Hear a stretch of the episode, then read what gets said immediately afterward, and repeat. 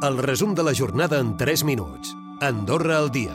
Aquest dissabte s'ha celebrat el Dia Mundial de la Depressió.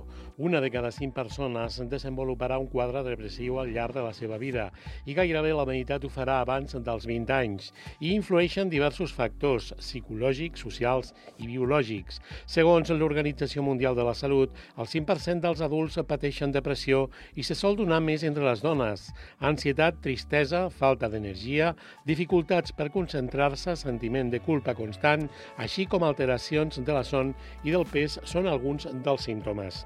Nosaltres hem volgut parlar amb persones del Principat d'Andorra que pateixen les conseqüències d'aquesta malaltia. Són paraules de Clara Grau i també Sissi Hitterreiner.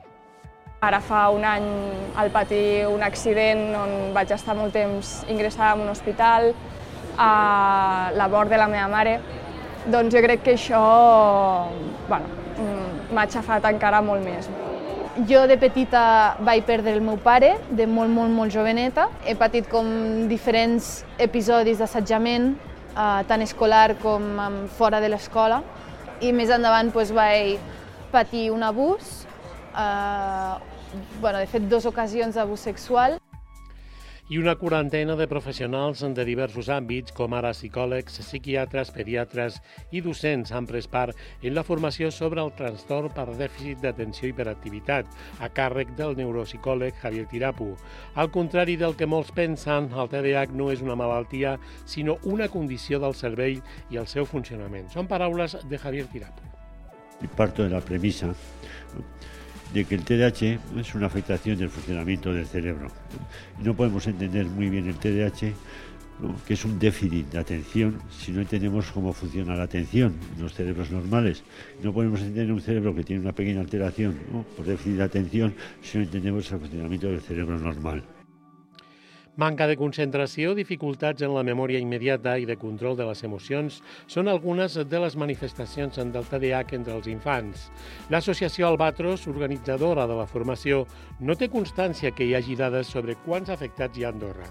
Són paraules de la psicòloga i vicepresidenta de l'entitat Teresa Cobo.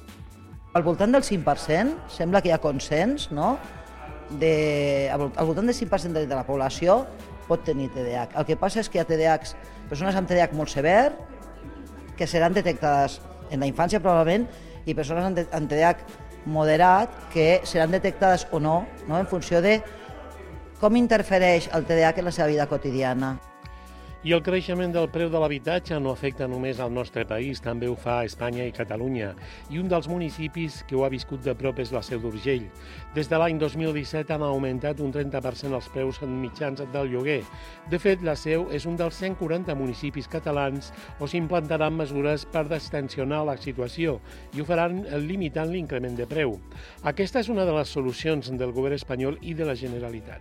Tot i això, segons l'alcalde de la Seu d'Urgell, Joan Barrera, encara no és clar com s'articularà. Recupera el resum de la jornada cada dia a AndorraDifusió.d i a les plataformes de podcast.